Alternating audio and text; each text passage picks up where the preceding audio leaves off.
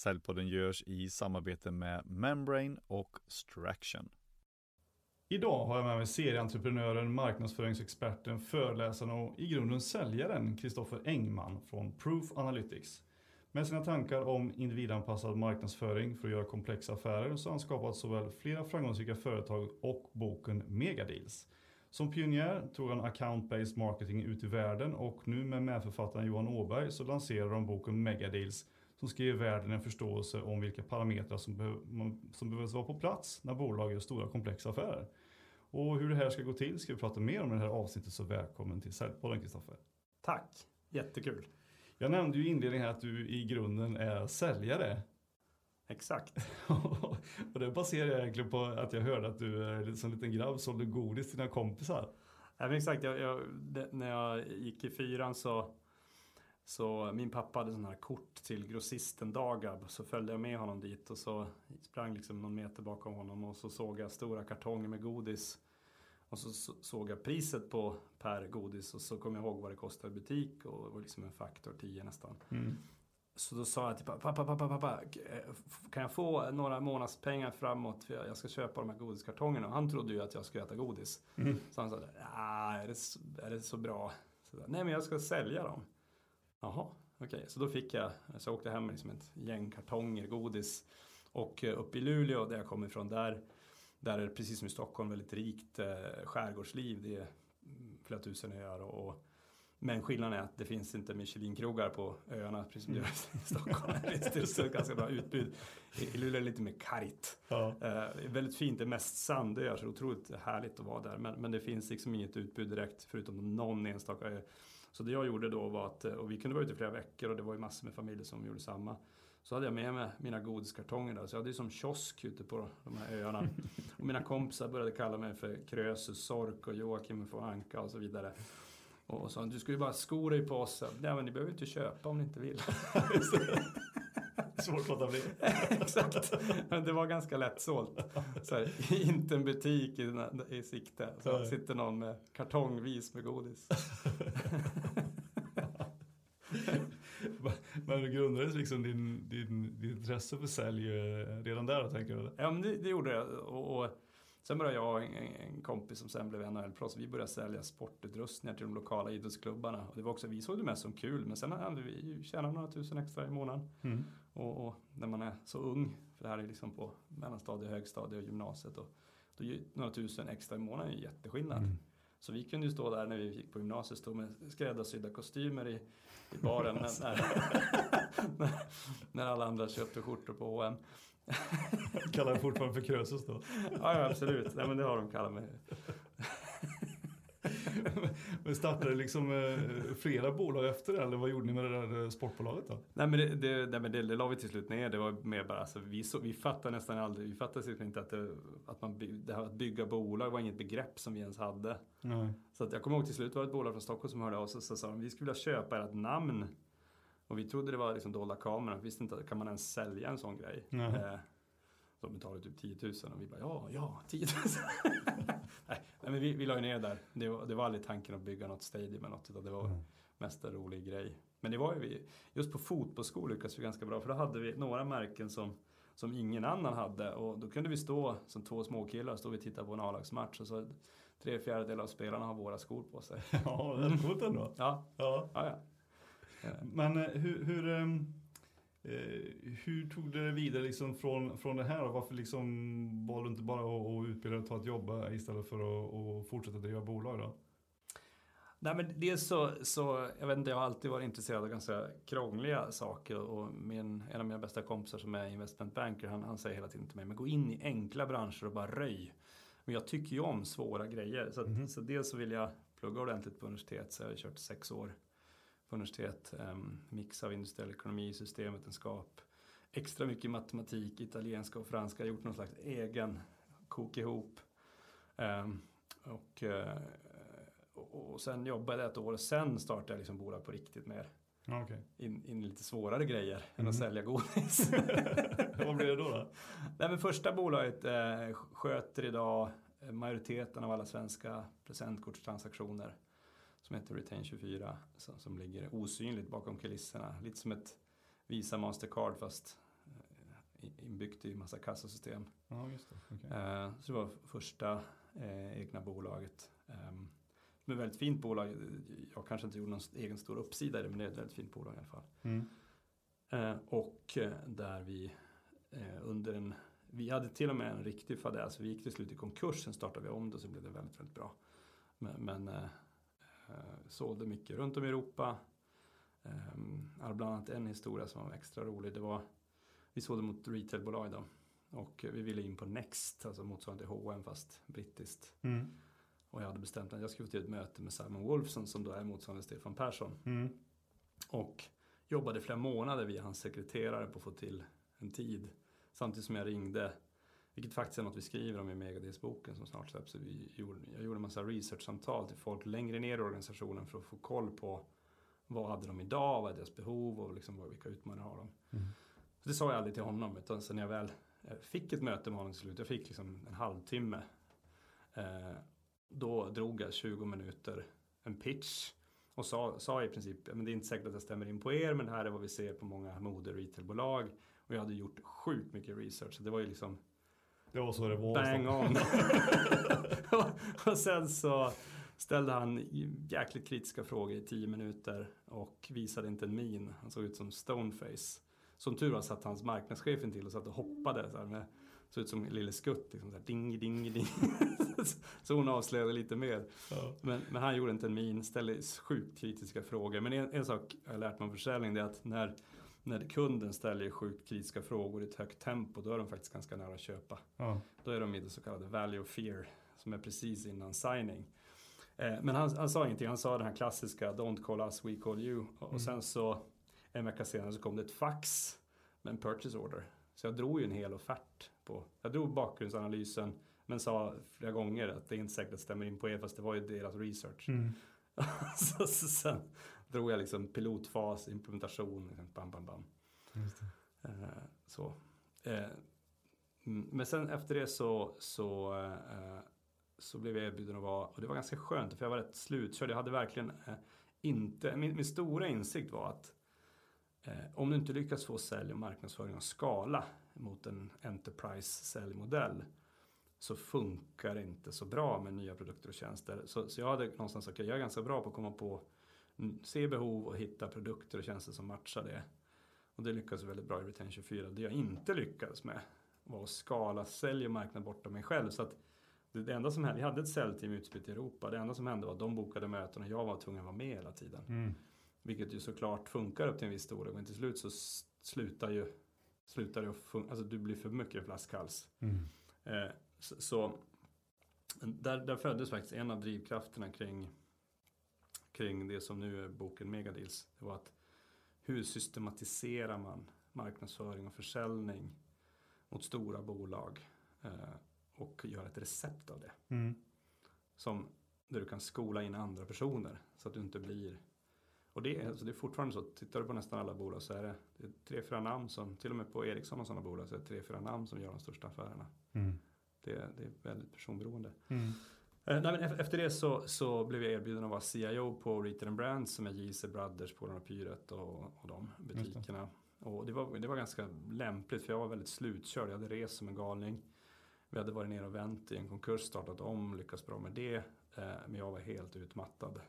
Och då blev jag erbjuden en anställning. Det var ganska skönt. Jag var bara 27 år. Det var, det, dessutom tyckte jag det var ganska häftigt att sitta i koncernledningen i ett trettiomannabolag som är börsnoterat. Och, som 27-åring. Så det, Mm, det är bra. Ja men jag tyckte det var ganska, Ja. det var faktiskt en lite sån här rolig prestigegrej. Men Ja. det var också, det var faktiskt, jag var bara där ett år, det är kanske, kanske det mest lärorika året jag har haft. Inte bara av, för egen del, utan också när man sitter och ser hur ett större bolag fattar beslut, hur mycket intern politik det är och hur många fler personer som är med i besluten än vad man tror. Du, har- du har säkert läst ett gäng säljböcker som säger always go for the C-suite. Mm. Det är bullshit. Mm. Ska du göra stora affärer så är det trams. Okej. Mm. Du måste engagera the C-suite så småningom, men du kan inte börja där. Nej. Ringer du till Simon Wolfson utan att ha gjort researchen så blir du ju rökt. Han steker dig efter tre, tre meningar, är Ja. du död. Eh, så, så att, ja, vi kommer tillbaka till det sen, men det, man måste använda lite andra metoder. Ja. Eh, men då, då upplevde jag från, som köpare då, för vi köpte in nytt affärssystem, nytt kassasystem, vi tittade på nya kundklubbslösningar. Vi gjorde ganska många systemköp under min tid där och, och då såg jag hur, hur det egentligen ser ut när man köper. Mm.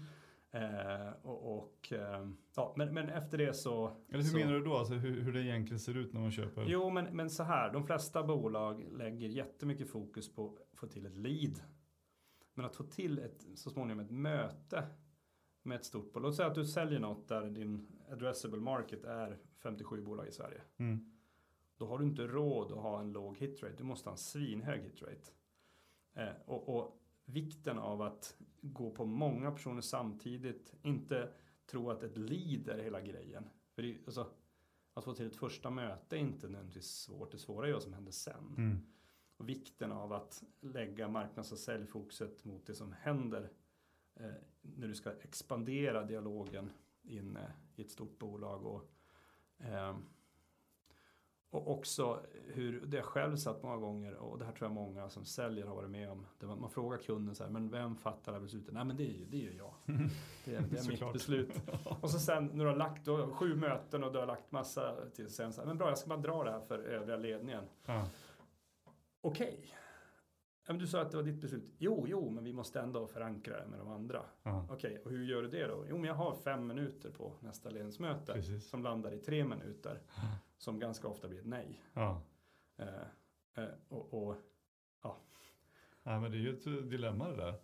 ja, Hur, Nej, men det kan vi prata länge om. Alltså, men men eh, och också hur viktigt det är att vara talk of the town inne i organisationen du säljer mot.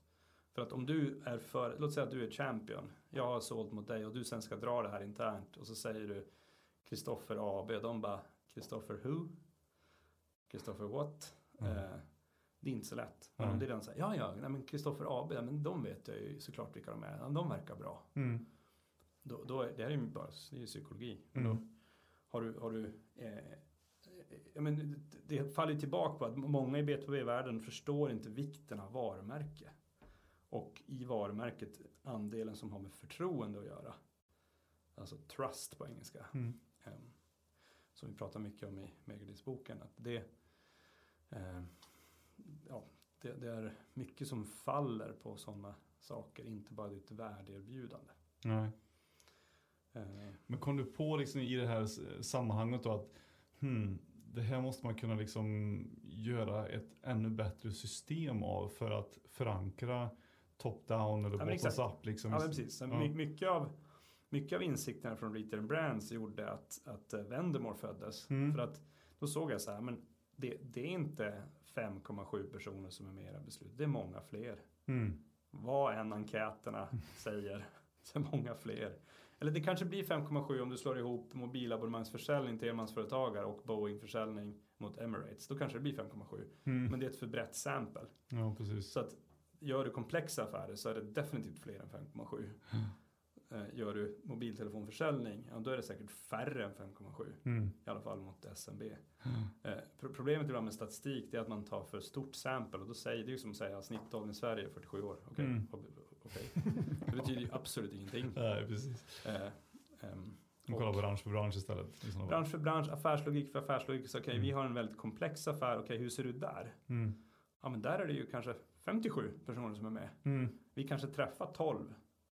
Men det är ytterligare en ganska stor grupp som påverkar den här affären på något sätt. Mm. Sitter med i något forum där man behöver tycka till om det här och så vidare. Eh, och, och sen också eh, hur, hur, hur mycket tid som läggs på, man, man tror ofta som säljare och marknadsförare att ditt värdeerbjudandet är drivaren. Det är entrébiljetten. I stora affärer så är riskmitigering och konsensusskapande det som upptar, man säger så här, men vi har en säljcykel på tre år. Mm. Det tar inte tre år för kunden att förstå ditt erbjudande. Det tar inte tre år för kunden att välja mellan dig och dina konkurrenter. Det tar tre år att köra konsensusprocessen och att mitigera risker. Det är Mm. det som tar tre år. Just det. Eh, Det är rätt stor skillnad. det är rätt stor skillnad. Och det är två liksom, huvudområden i, i vår megadisbok. Mm. Hur gör du det då? Mm. Och det var också, precis som du antydde, det var lite början av det som ledde till att Vendemore startade som liksom världens, tillsammans med ett amerikanskt bolag, samma månad 2007 Mm. startade första campus marketingbolaget i världen. Och det, där, där huvudmålet var hur ankrar vi en affär på bred front in i en organisation. Mm. Och där vi då på teknisk väg isolerade målbolagets IP-nummer och sen köpte media via över en miljon sajter mot IP-numret. Så när de anställda på då Nordea går ut på nätet så får de se säljande bolagets annonser, videos, artiklar. Då subtilt men över lång tid och, och som gradvis Sjunker in liksom. sjunker in. Både varumärket men också referenscase och vissa pain points och så vidare. Så att till slut har du fått massor med människor att veta vilket bolag det är, vad de står för, varför man ska välja dem, vilka synsätt, värderingar och så vidare. Mm. Eh, och, och, eh, så det var mycket det Vendemore, som betyder sälja mer, gick ut på. Det kom Mm. mycket från, precis som du sa, både ur smärtan av att ha misslyckats skala säljet på Retain 24 och sen att ha suttit som IT-chef och sett hur egentligen komplexa köp går till. Och också, det var faktiskt en insikt också, man tror liksom att stora bolag är väldigt faktabaserade. Diskussionen som sker runt ledningsmötet är rena, rena tivolit. Alltså, det är väldigt icke faktabaserat. Hur, vad man än säger sig stå för. Det är väldigt mycket jag tycker det här, du tycker det här och jag tycker, tycker ordet tycker liksom. Mm. Eh, eller så här är det, Mm. utropstecken, punkt, punkt, punkt. Eh, och, och, och i en sån kontext, den är ju, det är ju rena smashbollen för lobbying. Mm. Eh, så både Vendemore då via media och Megadis handlar mycket om hur bedriver du en lobbymässig försäljning. Vilket är annorlunda än vad eh, om du tar sälj och marknadsböcker som handlar om mera transaktionella affärer. De är väldigt fokuserade på hur du driver en dialog Mm. med en väldigt liten grupp människor. Mm. Hur förflyttar du en dialog framåt mot en affär? Megadis handlar om hur orkestrerar du en stor affär med ett stort team på både köpar och säljarsidan? Hur vinner du riskmitigeringskriget och konsensusskapandet? Alltså lobby, lobbying. eh, Till, till mångt och mycket. Eh, vilket är en annan, en annan karaktär än det du hittar i challenger sale och solution selling och så vidare. Mm. Som är, som är oftast, eh, till exempel vi hade på Climon där jag var sista två åren så hade vi jäkligt duktig säljare som kom in och hade sålt en väldigt och, vad ska man säga, vanlig B2B-affär. Rimligt enkla produkt som superduktig och så kom han in i vår kontext och sen, han, han blev helt förvirrad när han märkte att shit jag måste ju övertyga tio olika grupperingar inne på det här bolaget plus tre organisationer utanför min mål, mitt målbolag. Eh, det är inte rocket science vilket vi beskriver väl i boken men, men det, om du aldrig har gjort det så blir det liksom lite läskigt. Så, men shit, jag, pratade ju med Mattias här, helt plötsligt inser jag att det är jordens internpolitik kring den här frågan. Mm. Eh, vad ska jag göra nu? Precis. Och där är de flesta säljare och marknadsförare är faktiskt alldeles för eh, gröna. Ja. Mm. Hur hanterar de det då? Vad sa du? Hur hanterar de det då? De? Ja, som du sa här att den här säljaren som kom in i den här... Eh, Nej men vi, eh, vi hade ju kommit ganska långt i Megadeal researchen redan då så att vi fick bara köra igenom ja, okej. Mm. delarna i Megadeals ramverket. Ja, okej. Mm. Så att det gick ju ganska snabbt att korrigera men Mm. Men bara mm, om du tar klassisk komplex selling sales metodik som väldigt, är väldigt dialogfokuserad och så hamnar du i en lobbykontext då blir säljaren väldigt vilsna. Mm. Det är då du kan sitta på som säljchef sitter du på ett möte och så säger så här, ja men Mattias hur, hur går det nu med det här? Jag säger, Ja men det, jag vet inte, vi har som tappat lite fart i det. Så här okej, ja men eh, hur, hur, vilka pratar de med? Ja men Olle som är våran kontaktperson där, han säger det här och här, Olle. Och så har du kanske egentligen 57 stakeholders. Mm. Och, och, och, och så, det, det är inget konstigt att du har en massa case då som står stilla i pipeline. Eh, det, det är inte, för Olle kanske inte, Olle har ju 15 saker på sitt bord. Även om han i mötet med dig säger att ja, men jag är på, jag vill göra det här, så har han 14 andra prioriteringar. Plus att de andra runt honom har 14 egna. Och, och liksom att navigera där är inte så lätt. Nej. Om man tänker så här, det här begreppet som du myntar här account-based marketing. När det liksom skulle ut från Vendemore Mm. ut till kunder. Hur togs det emot då? Liksom förstod de vad ni menar då från början överhuvudtaget? Nej, från början kallar vi det faktiskt pipeline marketing. Och så Mhm. hade vi starts where lead generation ends. Alltså marknadsföring som driver ett, ett lead till affär och en, en affär till en större affär. Det hade vi från början, kanske nästan skulle ha behållit det. Men, men account-based marketing tog fäste hos analytiker och andra. Så det blev liksom branschbegreppet. Mm. Så då droppade vi vårt parallella begrepp och så körde vi på det. Mm. Eh, Men i början, jag, jag- kommer ihåg när vi var ute och träffade bolag från början så var det- dels så så är många väldigt, fortfarande väldigt fast vid att ja, men det är ju, får vi bara med CIO och vem det nu kan vara så är det här i hamn. Det är, fort, det är ju även säljchefer som tror det Fortfarande. fortfarande. Mm. Och, och, så det var en fiende där man liksom inte har, man inte har suttit på båda sidor, man ser, man har inte sett själv hur krångligt det är. Eh, och, men sen var det också rent, vad ska man säga, erbjudandemässigt där folk knappt trodde, men hur kan det, det hur kan det vara möjligt att rikta medel mot ett enda bolag? Mm. Det, ju, alltså, det var ju ändå en annan man träffade som trodde att vi hittade på. Mm. Eh, så. Och, Såklart. och, och sen, varför gör ingen annan det här? Fick vi frågan. Så här, nej, för att vi var först. Mm. Nej. Nej, det kan det inte ha varit. Jo, jo, vi- vi var först. Mm. Nej. Så det, och det här tror jag, det finns någon slags, eh, framförallt i Sverige, vi har lite dåligt självförtroende. Framförallt inom marknadsföring och försäljning så tror vi hela tiden att amerikaner alltid ska vara först och det är ju inte sant. Ja. Så det, det, det var hela den här frågan. Ja, men, och jag, jag kommer ihåg, alltså än idag kan jag få frågan så här, men du var inte du, du var väl först med att ta in campus marketing till Sverige? Eh, nej, jag var först med att ta ut campus marketing full stopp I världen ja. i världen. Rätt stor skillnad. ja, ja, men det, folk liksom tror att jag tog något amerikanskt koncept och liksom drog in det till Sverige. Ja. Eh, apropå det här dåliga självförtroendet. Ja. Ja, det är rätt lustigt. Det är en stor skillnad. Ja. Mm. Men hur gick det Det vidare? finns till och med artiklar där det står det, så att man inte orkar korrigera dem. Bara så här, ja. Att, att, det fortfarande, att de fortfarande Nej, tror att det, det är finns så att någon du tog ett koncept. Liksom. ja, att vi, att vi eh, tog in campus marketing till Sverige. Ja. ja, det är inte så schysst att, och att de inte gör sin research på det där egentligen. Men, Ja. ja.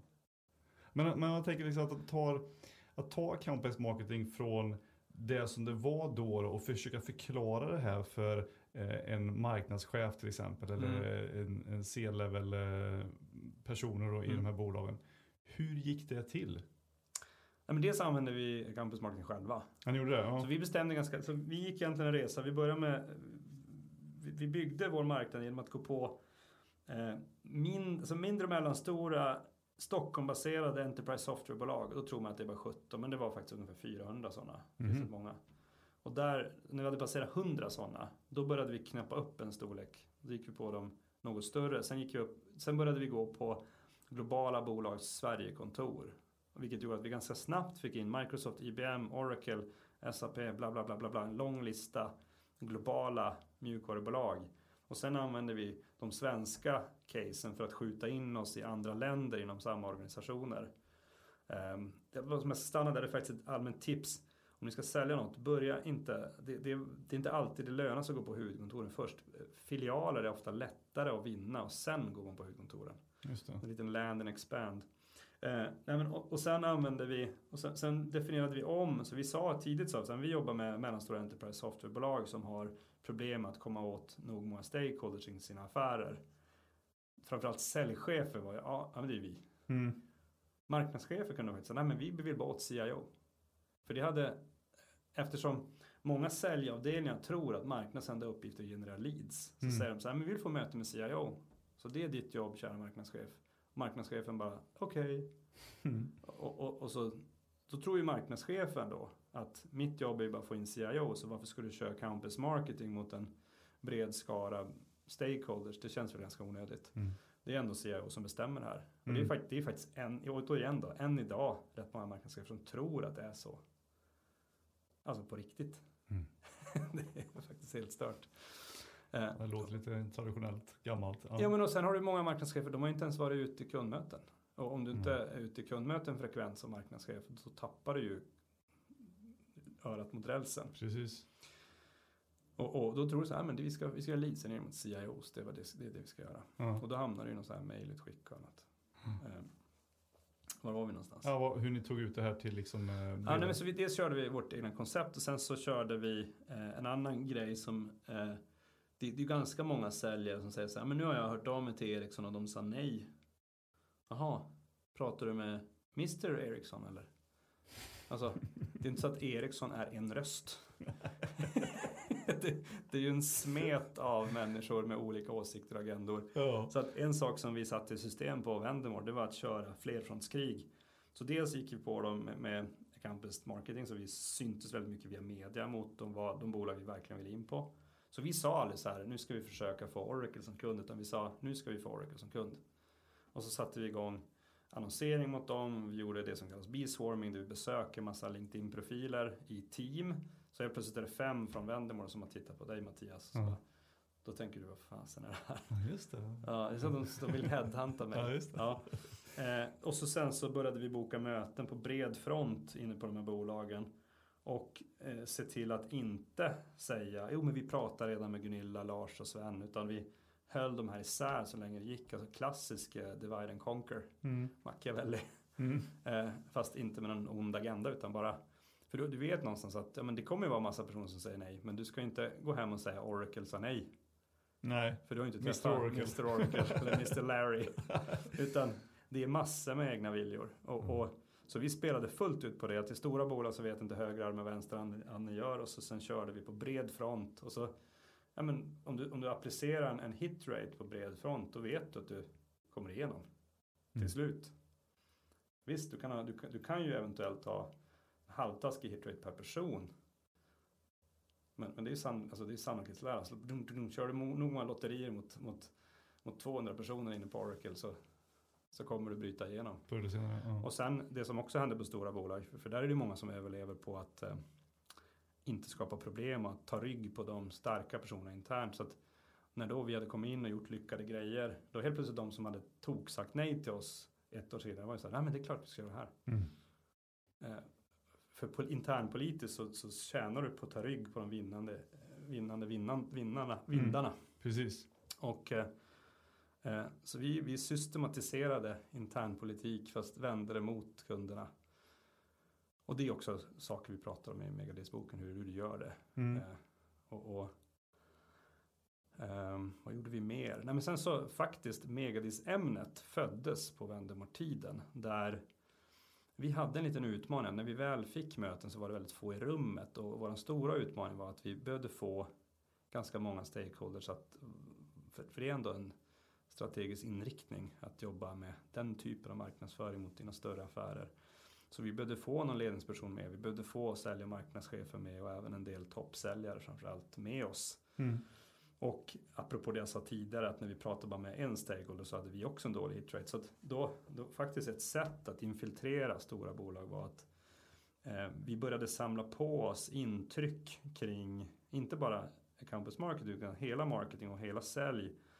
Hur, hur gör de här bolagen? Eh, vi hade ju till slut över 100 Fortune 500-bolag som kunder. Hur gör de sina största affärer? Och vi satt i massa workshops där vi såg, hade väldigt god insyn i hur, hur vad gör säljsidan, vad gör marknadssidan, hur ser deras war room ut, vad har de för, hur profilerar de eh, sina, de profiler de bearbetar, vad, Mm. vad pysslar de med egentligen och hur, hur skapar de politik mot sina konkurrenter och Mm. Eh, Från den positionen så, så, så samlade vi ganska mycket eh, men, små smarta grejer från jätteduktiga bolag som sen till slut blev ett PowerPoint-material som, som vi då kallade Megadeals. Okej. Och, och då var det ju inte alls lika väl, väl researchat som det är idag. Men Mm. det var, då var det mer så här smarta grejer som vi hade plockat upp. Eftersom vi ja, men rimligt fort hade väldigt stora bolag som kunder och satt med många av deras största affärer. Ja. Och det var inte, inte ens McKinsey har den insynen. De sitter inte så nära stora deals som Mm. vi gjorde. Så vi, vi kunde helt plötsligt ha ett PowerPoint-material där vi då, då, då använder vi det som infiltreringstaktik. Förutom B-swarming via LinkedIn och vår egen annonsering så sa så här, men vi har ett eh, seminariematerial som heter Megadeals där vi har vi jobbar med 100 bolag som är i er storleksklass. Eh, Vill ni höra the best of hur de gör sina största affärer? Eh, Alla sa ja. ja, det är klart. Eh, och, och när de skickar ut interninbjudan så vi många möten var ju så här 50 pers i rummet. Eh, några från högsta ledningen till och med de här storbolagen. Och, och Mm. helt plötsligt var det ganska många som lyssnade. Och i det materialet så var ju campus marketing en byggsten. Mm.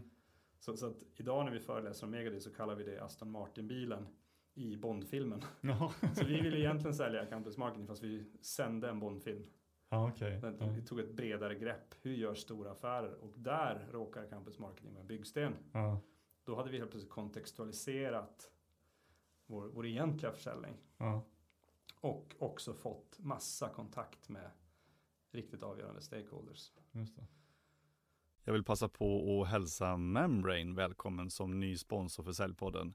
Membrane som utmanar de stora CRM-bolagen med ett säljstöd som fokuserar på att driva beteenden istället för att bara logga information. Och Membrane ser att många traditionella CRM-system utvecklas med antagandet att eh, säljare liksom vet vad som ska göras och bara ska logga vad som har gjorts. Och att det här inte då räcker för att lyckas med modern B2B-försäljning. Membrane gör säljprocesser och metoder enkla att förstå, lära sig och följa i det dagliga säljarbetet. Och man överbrygger gapet mellan metoder och genomförande, mellan teori och praktik. Om du som jag tror att hur vi säljer är viktigare än vad vi säljer och att säljare är ett yrke som man utvecklas inom och inte kommer med födseln. Besök då membrane.com och klicka på Booka demo. Jag är säker på att du kommer gilla det du ser. Det gör jag i alla fall. Jag vill också säga välkommen till min nästa sponsor, business och karriärcoachen Ken Skog och hans bolag Straction. Jag är oerhört glad att Ken sponsrar det här avsnittet och kan verkligen rekommendera att anlita honom både för att komma vidare i karriären eller om du kört fast i din business eller ja, en ledarroll på arbetet kanske. Hans sätt att arbeta har hjälpt mig vid flera tillfällen han har löst upp jättemånga knutar hos mig och hjälpt mig att staka ut en strategi att ta action på. Så att är du ägare, vd eller chef och vill få hjälp av en business, ledarskaps och karriärcoach för att komma vidare och driva en förändring på ditt jobb, hör av dig till Ken Skog på straction.se. Men hur, och sen så när du liksom tog hela Vendemo och sålde bolaget då, eh, lite för tidigt som du sa här förut, eh, Ja. innan man, och sen hoppade in då i en helt annan bransch. Mm. Hur tog de emot den kunskapen som du hade då att ja, men, nu är det climb och nu är det cleantech. Ja. Hur ska vi kunna använda den här typen av account-based marketing i den här branschen? Ja, men dels så eh, hade vi, då hade vi börjat komma en bit på vägen med hela Megadeals researchen som var långt bortom de här sporadiska mötena på Vendemore. Eh, så att, plus Vendemore erfarenhet såklart. Men, så, så det hade redan då börjat vara ett recept. Nu är det mycket mer förfinat, men det var liksom ett grundrecept som då eh, eh, grundarna på, på Climon tyckte var men det här är ju vettigt. Så det här är huvuddragen vi jobbar med på sälj, så här ska vi jobba med marknadsföring och eh, ska välja väldigt noga vilka segment och konton vi går på och vi ska ha en väldigt fokuserad modell. Och vi blandar marknadsföring, sociala medier, filmer, artiklar och säljarbetet. Och också att, att vi lägger mer pengar på marknadsföringen på sälj, vilket är väldigt ovanligt i business to business. Men det är något som både kommer ur Megadeal Research, att det är framgångsrikt och någonting som vi ser på Proof Analytics där jag lägger största delen av min tid idag. Där eh, till och med alla amerikanska case vi har varit inne i lägger för lite pengar på marknadsföring Mhm. i Enterprise B2B liksom, kontexten. Eh, eh, så, eh, nej, men så, så vågade baserat på både Vendemore-tiden, researchen kring Megadeals och Mark som jag redan då kände som har grundat Proof viskade i mitt öra. Det här är vad jag ser på de bolag vi inne och matematiskt analyserar marknads och säljmixen. Ja. Och ehm, så det, det var, nej men det mottogs bra. Sen fanns det ju kanske någon enskild säljare som eh, tyckte att nej men, den här typen av försäljning eh, kanske funkade i IT-branschen men här säljer vi ja, vi gör vi riktiga affärer. Så att, så att eh, ja, så, men det, det var en liten, liten klick. Mm. Eh, en, två personer kanske. Som, som hade tvivel kring det och som ville fortsätta gå på konferenser. Mm. Jag tänker det är ändå ganska stor skillnad för när du kom dit så omsatte de ungefär 30 miljoner och när du lämnade ett par år senare så var det 900 miljoner i kontrakt. Mm. Ja, precis. Omsättning i hårdvara uppstår först när man har ställt maskinerna på marken. Så att kontrakteringen var ungefär 30 när jag kom in och, t- och 900 två år senare. Eh, och det, det, det jag tycker vi lyckas, förutom att det är en fantastisk eh, produkt i en marknad som är alltså, betydligt större än telekommarknaden. Så det här bolaget kan ju bli större än Ericsson. Mm. Eh, så, så lyckades vi på ganska kort tid trovärdiggöra oss på rätt typer av bolag och även en del regeringar och annat i de valda länderna. Vi, mycket tack vare smart media och rätt typ av budskap och filmer och så vidare. Mm. Mixat med insikterna kring, kring alltså säljdelarna av, av megadeals. Hur många liksom i den delen då, hur mycket olika kanaler radar ni upp information och skapar content till då? Ja, men det här är intressant. Tack för att du frågar det. För att det de flesta gör, och det här är dels är tydligt från mina erfarenheter, sen är det tydligt när vi går in och analyserar sälj och marknadsmixen så kör de flesta för många grejer och för lite. Mm. Så man har för lite marknadsbudget som man dessutom sprider på för mycket. Okay. Så, att, så att grundreceptet i, i Megadist är att bygga, eh, vi kallar det messaging architecture, så utifrån din varumärkesplattform och din budskapsplattform som då vi har recept på i boken så bygger du filmer och artiklar som är helt i linje med det. Sen når du ut i marknaden via dels account-based advertising, alltså IP-styrd annonsering mot de konton du prioriterar. Så med, där använder vi Vendemore, det finns andra leverantörer.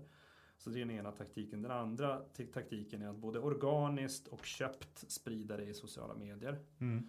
Där vi alltid postade först via en person, sen via bolaget, inte tvärtom. Mm. De flesta postar först via bolaget, sen ska personen sprida det. Det funkar inte. Nej. Och sen PR. PR för övrigt eh, i analyserna med Proof ser vi nästan alltid under, underinvesterat. Mhm. PR är väldigt trovärdiggörande, framförallt nära köpet. Många tror att det är leadgenererande, men framförallt Mm. starkt för att öka winrate. Mhm. PR, analytiker, kommentar och referenscase. Väldigt starkt nära sign. Just det. Eh, så att mixen egentligen i, i... Sen går det att bygga massa bells and whistles runt det här. Men lägger du fundamentan på det där.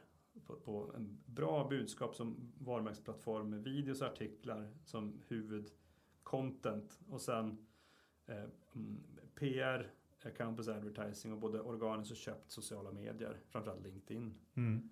Det är ett grundrecept som jag skulle säga. Om, om, eh, om alla bolag skulle exekvera det extremt bra så gör de ett quantum leap i effekt. Mm. De flesta eh, jassar runt med för många grejer och för, på för låg nivå. Och, det är också personellt ett problem. Om du, om du gör 27 grejer med ett litet team. Då hinner de ju knappt. För det är ju inte bara ett extern kostnadproblem. Det är också ett problem i, i din personal. Mm. Så, så att, eh, med att producera grejerna också. ja men du, du måste göra det bra. Mm. Eh, Så att eh, så det, det är bas, basreceptet det låter ju så supertrivialt men jag skulle säga att andelen bolag som vi har researchat som gör det bra är ja, Siemens skulle jag säga, Siemens PLM ligger på någon slags, eh, ja ligger på en ganska bra nivå skulle jag säga. Någon till kanske upp och nosar på att göra det jag beskrev Mm. riktigt, riktigt bra. Majoriteten inte. Nej. Så, så trots att det är recept, och det är vi ganska noga med i vår bok om Megadis, det är att det är vissa supersmarta små grejer som vi inte väljer att ta upp. Vi säger så här, men, men till exempel i Campus Marketing-kapitlet där vi givetvis kan svinmycket, Mm. så säger vi, ja, men hör av dig om du vill ha massa supersmå tricks kring det här. Men vårt tips är, se till att exekvera det som står i det här kapitlet riktigt, riktigt bra. Och dessutom, inte bara att du har fattat det, att hela ditt team har fattat det och att ni jobbar efter det at scale. Just det. För det, det är en sak att förstå en sak. Det är en annan sak att behärska det och få in det i din dagliga systematik och dessutom få ut det på bredden i din organisation. Det är helt olika Mm. svårighetsgrader. Och, och, och de flesta, ja, tyvärr många smarta människor fastnar för mycket i att veta saker. Tänker du då att? Nej, men så här, ja, men du, du säger något smart, så, ja men det där visste jag redan. Ja, gör ja, det då. Ja, Nej, ja just nej okej. nej, Jag förstår. Eh, och, och sen säger som säger, ja men det gör jag. Gör hela ditt team det? Nej. Alltså, eh, pengarna ligger i att få, att behärska ett antal väldigt basala saker exceptionellt bra. Sen kan du liksom gå in med cream on top med en massa smarta grejer på toppen av det. Men vi kör retargeting till exempel. Det är klart Mm. vi gör det. Vi, eh, nu på Proof har vi börjat jobba med pre-rolls in på YouTube. Det finns massa smarta tricks som man kan göra. Men, men sätt ett basrecept först och se till att det riktigt lirar. Och få sälj och marknad jobba som ett team. Contentproduktionen ska komma från sälj, inte från marknad. Marknaden ska koordinera den och finjobba med den, men ska drivas. Det är massa sådana grejer som är ganska basala, men som Mm. de flesta faktiskt inte har på plats. Är det för att det inte finns liksom den kompetensen i, i modern marknadsföring in-house? Eller är det för att man liksom, ja, men vi har ju kört på det här i alla år, eh, det har ju funkat. Jag vet faktiskt inte. Jag tycker det finns massa duktiga människor, men det, det är det är, ju, det är ju ofta svårt att få saker, att få in det i systematik, få ut det i hela organisationen och så vidare. Um, men, men sen är det ju, uh, det här kanske inte är så politiskt korrekt att säga, men det är ju 90% av alla människor är ju faktiskt tyvärr ganska lata. Mm. Alltså, ja, ja, man säger, okay, jag, jag, fattar det där med usch. Så, så att du kan säga med munnen så, jo men det där ska vi göra. Sen så bara, mm. Något som jag säger till min äldsta dotter, det är så här, om du varje dag gör ditt bästa och någon gång i veckan fundera på vad gjorde jag bra och mindre bra den här veckan och vad kan jag göra bättre?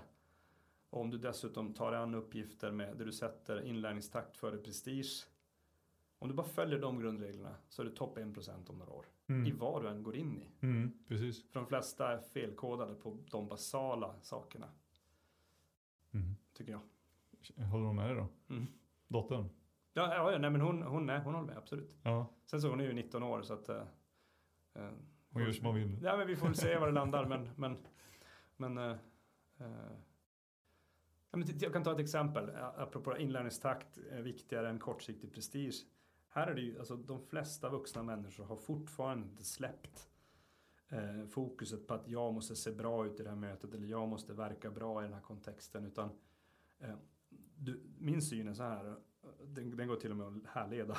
Du får prestige fast med en delayed effekt, alltså en time lag. Om du, om du fokuserar allt på att lära dig snabbare än alla andra. Mm. Till slut behöver du inte jaga prestige, den jagar dig. Mm. För om du lär dig en procent snabbare än alla andra, de flesta vet hur ränta på ränta funkar. Mm. En procent per år bättre än alla andra, det blir väldigt mycket efter 10 år, extremt mycket efter 20 år. Mm. Och om du dessutom bara går in för att lära dig snabbare eh, hela tiden och, och tar bort, till exempel om du sitter i ett möte och någon säger något begrepp som du inte förstår. Räck upp handen och säg jag förstår inte det där begreppet. Det, hälften i rummet förstår inte heller. Nej, precis. och jätteglad över att någon ställer frågan. Ja, vad skönt att Mattias frågade. Mm. Så, så om, du, om du fokuserar på det och är lite så ogenant över att okej, okay, någon kanske i rummet tyckte fattar hon inte ens det. Så det spelar ingen roll. Med en mm. viss tidsfördröjning så kör du om alla ändå. Mm. Och, och där, eh, det är en sån här grej som om alla blev kodade rätt på det så skulle samhället faktiskt se annorlunda ut. Vi skulle vara mindre känsliga för kritik, vi skulle vara mindre lättkränkta. det vore bra. och just nu är det så här VM i lättkränkthet tycker ja, jag. Ja, visst. Eh, ja, man får inte säga någonting knappt. Nej, det är otroligt mm. svårt. Mm. Och, och, jag tror att det är ett hot mot eh, välmående. Mm. Men, jag, jag upplevde så här, jag kom på det här tyvärr ganska sent, jag tror jag var 32 ungefär. Och det var när Retain24 gick i konkurs och min dåvarande sambo lämnade mig. Det såg inte, det var inte så här jätteljust. Jag hade en miljon i skulder. Och då, när du, när du är i en kris så tvingas du på något sätt tänka till. Så här, varför hamnade jag här? Mm. Och, och, och, då kom jag fram till att ja, men jag har varit för fokuserad på vad andra tycker om mig till exempel. Det var en lång lista, jag behöver inte ta hela den idag. Men bland annat, och, och, jag är för fokuserad på vad andra tycker om mig. Och det var även så i sport till exempel så var jag för fokuserad. Undrar vad tränaren tyckte om mig på den här träningen. Mm. Istället för bara, hur kan jag den här träningen lära mig maximalt? Det är en fundamental skillnad faktiskt. Verkligen. Ja. Jag har haft precis samma erfarenhet själv. Att ja. Det tog nästan mig liksom 34 år ja. att komma över det. Att inte... Jag vann med två år då. Ja, precis. ja, men det, är, så, och det är inte typ 10 år sedan snart. Att, ja. ja. men, Mattias, du får nog kanske sluta tänka så mycket på vad andra tycker. Utan ja. gör som du själv vill göra istället. Ja, det betyder inte att man, man ska ju vara lyhörd vad andra tycker. Mm. För det är ju en del av inlärningen. Mm. Folk säger saker som du kanske borde tänka på. Så det kan man lyssna på. Men, men man får inte vara för upptagen av hur man verkar. Undra vad andra tyckte om mig. Nu har jag varit på det här mötet och undrar om någon, de tyckte att jag var bra. Mm. Det är samma som när jag håller föreläsningar så har jag en, en, en, tank, en tanke som jag varje gång så tvingar in i hjärnan. Det är lätt att tänka så här. Eh, undra om de tyckte att jag verkade bra. Eller nu ska jag gå upp på scen och se bra ut. Eh, om du istället tänker så här, mitt, min viktigaste uppgift det är att gå upp på scenen och jag ska få så många som möjligt i publiken att förstå de här fyra basala sakerna. Om jag har lyckats få dem att förstå det, då är jag en tia. Mm. Och då blir du en bättre presentatör. Såklart. För att du är inte så fokuserad, alltså det blir, jag vet inte. För mig funkar den tankesnurran extremt bra. Mm. Då går jag upp på scen och blir intressantare för de, jag tror folk känner av att men han står inte och undrar nervöst vad andra tycker utan han, han vill ju verkligen att vi, vi i publiken ska förstå några saker som han har lagt mycket tid på. Mm. Ja. Jag håller med dig och det är liksom att, uh, att man ska uh, Många säger att jag bryr mig inte. Särskilt kanske ungdomarna då. Mm. Men de gör ju det verkligen, verkligen. Det Så är klart de bryr sig. Ja. Ja, Och det är ju lite bromsande för många också att eh, gå i de tankarna. Så att, eh, kan vi göra någonting där för att eh, minska tanken på sig själv istället för att sprida kunskap på ett vettigt sätt som gör att folk eh, lär sig så är det ju fantastiskt. Ja.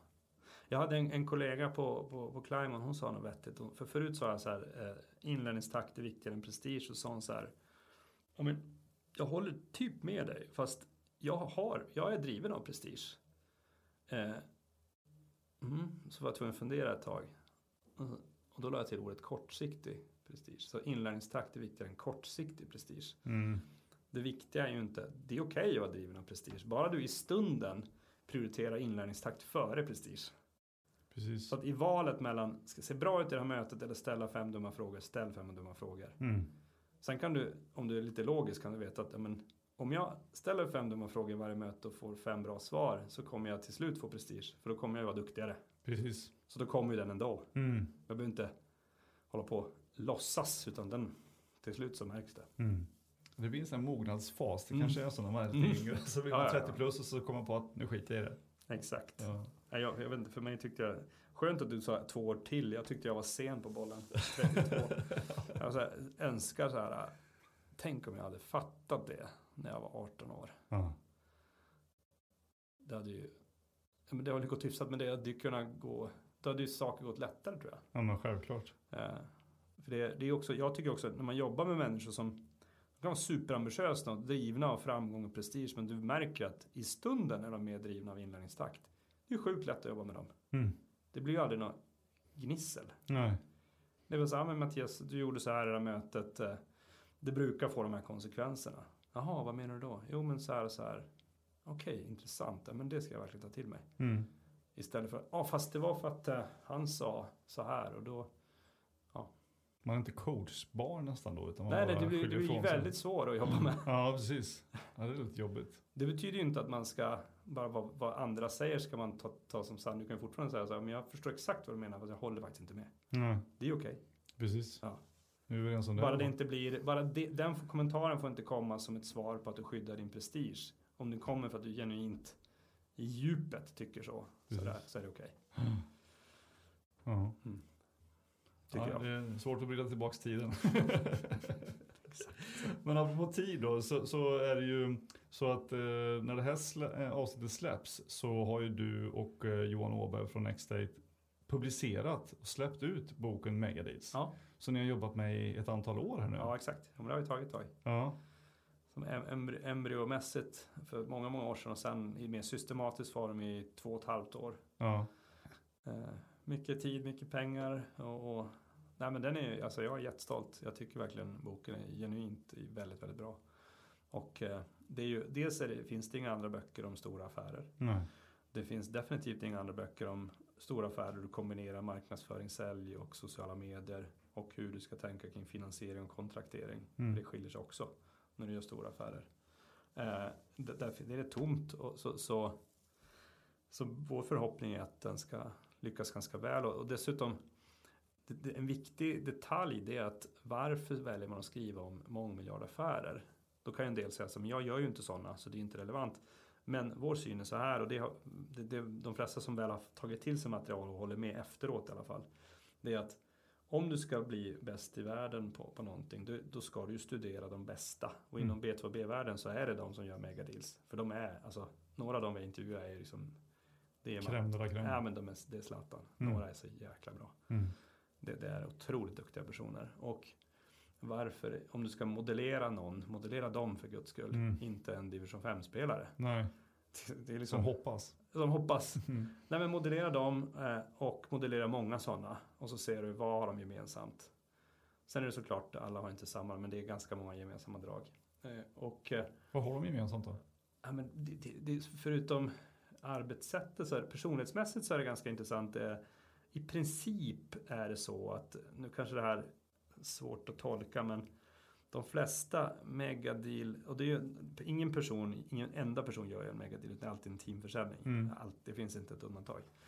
Men de som leder den typen av team i sina teamförsäljningar mot en stor affär, en megadeal, de har som personlighetsdrag att de är mer vd-mässiga Om du träffar 100 VD och så träffar du 100 snittsäljare så kommer du så ja, men jag fattar vad du menar. Mm, mm, Det är lite olika personligheter. mm. En VD kan vara väldigt säljande fast de kan också ha ett kritiskt tänkande som är mer välutvecklat än en snittsäljare. Just det. Och, och megadealers är väldigt hög integritet.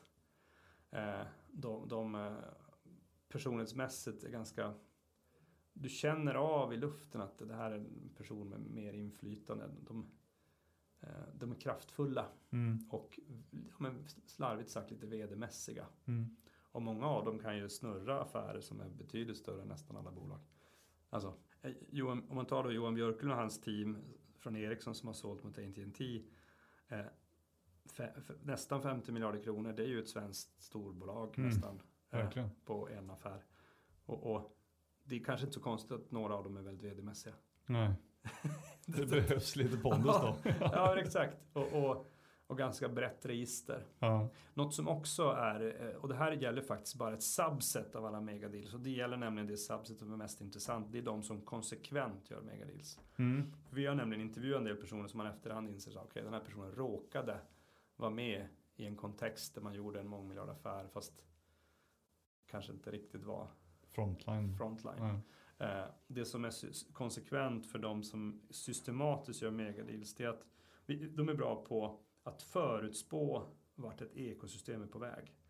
Vi kallar dem ecosystem architects. Så inte Mm. nog med att de förstår kundens organisation, kundens key initiatives, de förstår stakeholders in hos kunden, de förstår dessutom vilka externa organisationer som har en påverkan på den här affären och kan jobba mot dem på olika sätt. De förstår dessutom vart hela ekosystemet är på väg. Hur kommer det se ut om 10-20 år? Som har en, en förmåga att förutse framtiden i en ganska komplex värld. Mm. Och med den förmågan kan du helt plötsligt designa affärer eh, som inte ännu riktigt finns. Konrad Bergström är ett bra exempel på det. Eh, han, som, han som har kört med Marshall, eh, vad de heter, Sound, Sound Industry. Ja.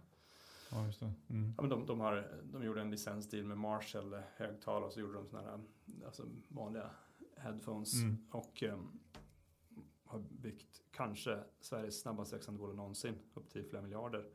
Och hans förmåga var ju mycket, han såg så här, men Marshall har ett av världens mest kända, kanske världens mest kända rock eller konsertvarumärke Mm.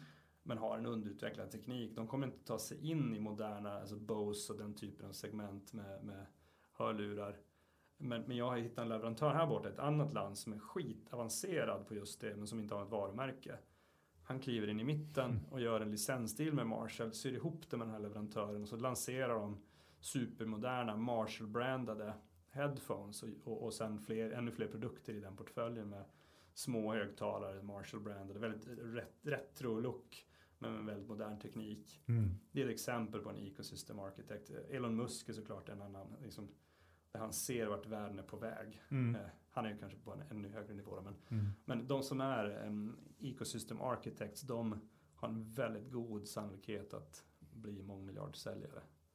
För de, de har en växel som många företagsledare inte ens har. Nej. Där de ser vad håller på att hända här. För, och då får, du, då får du koncernledningars öra. Mm. Shit, Mattias ser världen väldigt klart. Mm. Då vill de träffa dig. Just det. Så de för, de för frågan om de får träffa dig. Du Ja. inte, om, om, det, om Mm. de märker det, så här, shit, han, är, han- ser vart det här är på väg. Ja. Det är ju en risk, det är ett sätt att minimera risk. Om de, Precis. håller, om de håller sig nära personer som förstår vart världen är på väg, då sänker de sin egen risk. Precis. Men vad finns det för andra delar i som måste vara på plats för att det ska bli, kunna bli en megadel? Ja, vi kan gå igenom ramverket. Det består av fem delar. Mm. Eh, och, så, boken är byggd i tre stora block. Först är det fem, vi kallar dem cornerstones. Det är fem saker som du måste förstå för att göra en megadeal. Sen går vi in i tools and capabilities. Okay, vad behöver du för verktyg och förmågor för att klara av det? Mm. Och sen går vi in, sista delen är complexities som är finansiering och kontraktering och sådana delar. Om vi tar, först tar em, de fem cornerstones så är det, det första är att för att du ska göra en megadeal så måste det finnas ett key initiative på plats in hos kunden. Mm. För det finns aldrig jättestora pengar som bara flyter omkring som inte är öronmärkta utan på stora bolag, det är nästan alltid stora bolag som köper megadeals.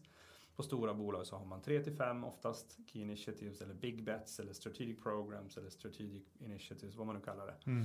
som, man då, som då är en delmängd, eller den viktigaste delen i ett bolags strategi. Och där har man sina stora förändringsprogram och i dem ligger det oftast väldigt stora pengar allokerade. Vilket gör att kommer du med exakt samma erbjudande och det är inte ett key initiative, då kanske det var 10 miljoner kronor. Mm. Kommer då så finns det ett key initiative, det kan finnas 200 miljoner, 400 miljoner, 1 miljard, det kan finnas helt andra pengar. Eh, så det är nummer ett. Och nummer två det är att förstå the deal specific ecosystem. Förlåt engelskan här. Men eh, affärsspecifika ekosystemet. Hur ser stakeholder-kartan ut inne hos kunden? Hur, vilka externa organisationer har en påverkan på din affär och hur? Det kan ju vissa vara politiska organisationer, det kan vara andra omkringliggande hårdvaru eller mjukvarusystem Mm. och så vidare. Om du förstår den, det vi kallar då ecosystem understanding, att förstå det, kunna mappa upp det. Och, och nummer tre är baserat på ekosystemet, hur bedriver du ditt konsensusarbete? Både med säljkåren och med marknadsföringstekniker, till exempel ABM, till exempel olika social selling tekniker som vi beskriver i boken. Mm. Och, och eh, punkt nummer fyra, det är att eh, jobba med trojanska hästar, kallar vi dem. Alltså, I en megadeal så behöver du såklart ha en champion, det vill säga en eller ett par huvudpersoner som tar lead för din affär och publikt internt tar strid för, för dig. Mm. Eh, du behöver ett antal andra som mycket säljlitteratur pratar om, vi behöver inte gå in på alla dem, men en som vi har identifierat som inte säljlitteratur brukar beskriva, vi kallar dem trojaner. I stora affärer är informationsövertag helt avgörande. Och det som, du har säkert varit med om det här utan att nödvändigtvis ha satt fingret på det, det är att eh, det finns personer runt en affär som, som är på din sida men som aldrig tar strid för dig. Nej. De är tysta eh, hjälpredor. De är oftast väldigt generösa med att ge dig information om vilka personer var inte med på mötet, vad var eftersnacket efter mötet, vilka konkurrenter har du här, by the way, här är konkurrentens offert. Eh, vad, vilka motståndare har du inne i vår organisation? De här personerna, de utövar makt med hjälp av information snarare än pondus och intern politisk förmåga. De utövar makt med information. De har oftast en, en väldigt lojal agenda mot sina arbetsgivare men, men, de, eh, men de kan ofta till exempel tycka att men mina chefer fattar inte. Så att jag ska bara hjälpa den här leverantören på traven. Ja. Och då, då, så du måste ha flera trojaner. Eh, så det är punkt nummer, nummer fyra. Punkt nummer fem i ramverket är risk mitigation. Mm. Och det är att i stora affärer så är inte, du måste ha en nog stor uppsida. Men stora bolag väljer alltid låg risk före stor uppsida. Mm. Det finns ett undantag. Och det är när du har en annan risk som, som gör att din risk är, är försumbar. Just det. Men det är fortfarande en risk. Det är Ja. fortfarande hela tiden det var ett riskspel. Så att, eh, och det här, det här är faktiskt något som jag kanske hade på känn, men det som faktiskt, det är faktiskt även för, för mig har det blivit väldigt, väldigt tydligt under vår research. Det är att risk mitigation är helt avgörande. Och jag kan ta ett exempel. Om du som säljande part väntar tills kunden tar upp risker så har du tappat förtroende. Du ska ta upp riskerna innan de ens hinner fråga om dem. Mm. Så, så att vi rekommenderar att du ska köra en risk mitigation workshop minimum som en del i din säljprocess och ganska tidigt. Mm. Okej, nu har de förstått, förstått uppsidan, har förstått också varför vi är bättre än konkurrenterna. Nu ska vi ha en workshop där vi går igenom alla risker och där vi diskuterar. Vi har såklart förberett oss så att vi vet hur vi mitigerar olika risker. Men det finns, och, och du måste nästan alltid lämna några risker på bordet som är icke mitigerade. Annars är det inte ens trovärdigt. Nej. Att, för det finns ingen stor affär som är riskfri. Det finns inte. Så, så att, eh, eh, Plus att de största riskerna är de man inte ser också. Ja, men exakt. Mm. Och sen har du, du har ju två typer av, eller du har många typer av risker. En typ av risk är vad händer om jag inte agerar? Mm. Eh, det är en risk då. Och sen om jag agerar, jag går med dig Mattias som leverantör, vilken risk tar jag då? Mm. Här är det många som är duktiga på att mitigera risken kring vad kundens status quo består i. Men du måste också mitigera risken med när de väl går med dig, vad finns det för risker då? Precis. Och, och, och här är de bästa megadealers gör det här per automatik. För de vet instinktivt att om inte jag pratar risker så har jag ingen förtroende kvar. Vä- Väldigt så här kräng, det man kallar krängiga säljare. Mm. De säger så här, nej nej Mattias, men det där är ingen fara, det där har vi löst. Ja, här, och du bara så här, mm, right. eh, och, Mm. och, och, och, eh, eh, så, så. Och sen inom capabilities så pratar vi mycket om hur man ska jobba med Enterprise Social Selling för att på bred front vinna röster in i en stor organisation. Eh, hur man ska jobba med sin messaging. Där har vi, det är faktiskt en del som, som är svårast att förklara kort. Men som är nästan mest värdefull i hela boken. Hur ska du bygga upp din arkitektur kring budskap? Eh, och sen hur du ska jobba med campus marketing. Eh, och nu kanske jag glömmer bort någon, men det är de stora blocken där. Och så sen under comple complexities består egentligen av cultural complexities, men den berör vi faktiskt inte för den är så, stor. Helt plötsligt måste du beskriva alla Ja, vad är skillnaden? Kulturell komplexitet i Japan mot Saudiarabien mm. mot USA. Det, det är som en helt egen bok. Ja, så jag liksom avgränsat bort den delen.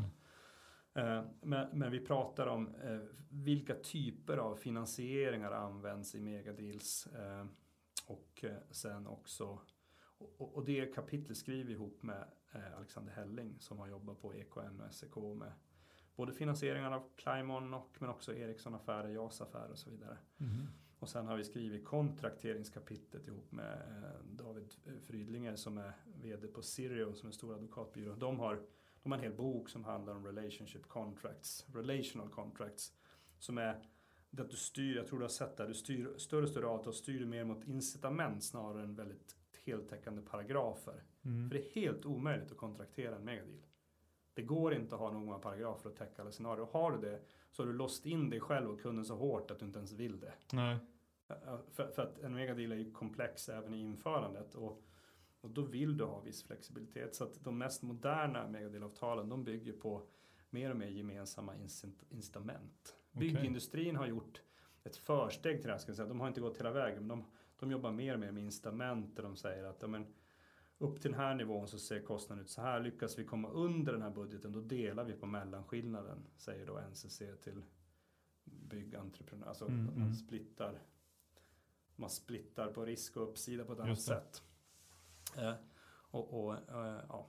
Mm. Så det, både finansieringskapitlet och kontrakteringskapitlet skulle jag säga är för de flesta sälj och marknadsförare helt nya domäner. Men som om man vill in mot större affärer måste man faktiskt förstå dem också. Mm. De största, om man tänker så här, det, det, som är lättast att ta till sig för en säljare det är faktiskt de fem, uh, våra fem cornerstones, uh, alltså key initiatives och trojaner och det här. För det, det, är ganska lätt att förstå, det är ganska lätt att införa som en checklista. Va? Mm. Men har, jag, har jag täckt in där, ja eller nej? Okej, okay, shit, jag måste göra det där. Det som är lite svårare är att få till tools and capabilities med campus marketing och social selling för det kräver mer change management. Och sen kontraktering och finansiering, den är mera svår. Alltså intellektuellt svår. Inte bara att en förändringsresa, den är Ja. Alltså bygga det kontraktet på ett annat Ja men den är, mer, den, är mer, den är mer intellektuellt krävande. Ja. Kort och, gott. Och, och, det roliga ska jag säga med hela vårt arbete är att ingen som jag inte, alltså de flesta som jag intervjuar säger är att ni har satt ord på det jag har känt hela mitt liv men jag har inte kunnat verbalisera det. Nej. Och sen säger de faktiskt utan undantag. Ni har dessutom tagit upp områden som jag inte har tänkt på. Mm. Eh, så att även de som konsekvent gör mångmiljardaffärer har faktiskt fått något nytt till sig. Och det är ju inte nödvändigtvis för att vi är så briljanta utan vi har ju intervjuat så pass många superbriljanta människor. Eh, sen, jag menar, vi har varit inne i den världen då och då lite grann men inte, några av dem vi har intervjuat är ju på en helt annan nivå än vad vi någonsin har varit själva. Men eh, i och med att vi har intervjuat så pass många av den kalibern så till slut sitter vi med jättevärdefull information. Precis.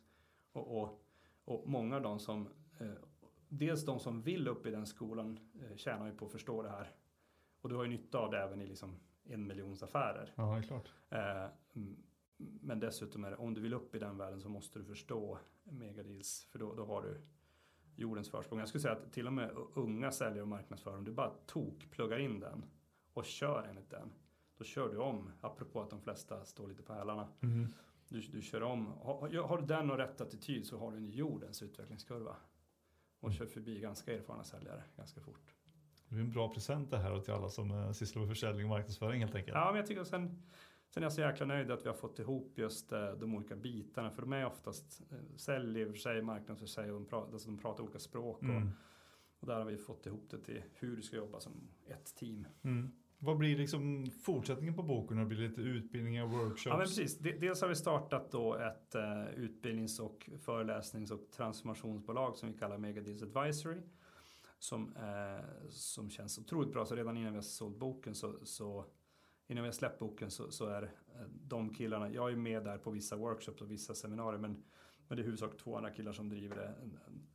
David Klettborg och Bora Brännström. De, de har själva gjort, så de är med i boken också, mm. de har mm. själva gjort mångmiljardaffärer och eh, väldigt, väldigt kunniga. Så de driver den organisationen och jag är med titt som tätt som Alltså jag är delägare i bolaget men mm. titt som tätt som gästföreläsare också. Just ja. alltså jag och Johan som har grundat själva konceptet så vi, vi kommer in och håller vissa moment. Men de driver i huvudsak och, och det är ju otroligt spännande där eh, vi får hittills mest tior, några nior och någon liten åtta. Det är det sämsta betyg vi har fått faktiskt i, när vi kör seminarier och workshops. Ja. Och det är trots att det ändå är ganska workshopformatet är ju ganska ungt. Ja. Men eh, jag vet inte, jag tror att eh, just att vi har fått ihop flera olika världar och hur de ska funka på riktigt gör att det blir okej, okay, det här kan vi faktiskt införa. Plus att det är också någonting som ingen har skrivit om Nej, för, det är som tomt, är tomt ark. Ja, ja. Och just det, som sagt, även de böcker som utger sig från att vara komplex försäljning, de handlar väldigt mycket om hur du bearbetar en liten grupp människor. Mm. Inte, inte lobbyvärlden och inte så mycket risk mitigation-världen. För där förändras spelreglerna. Och, och den, den problematiken rör sig långt, långt ner i affärernas storlek. Mycket längre ner än vad man skulle vilja. Ja, jag förstår det. Ja. Kristoffer, stort tack för att du eh, tog tid med Säljpodden och ja, prata om eh, boken Mega Deals och account marketing och hur det här går till och hur de här affärerna byggs upp och det ska bli jättespännande att få, få läsa den här sen nu. ja, självklart. Tack. Stort lycka till här nu. Tack själv. Tack.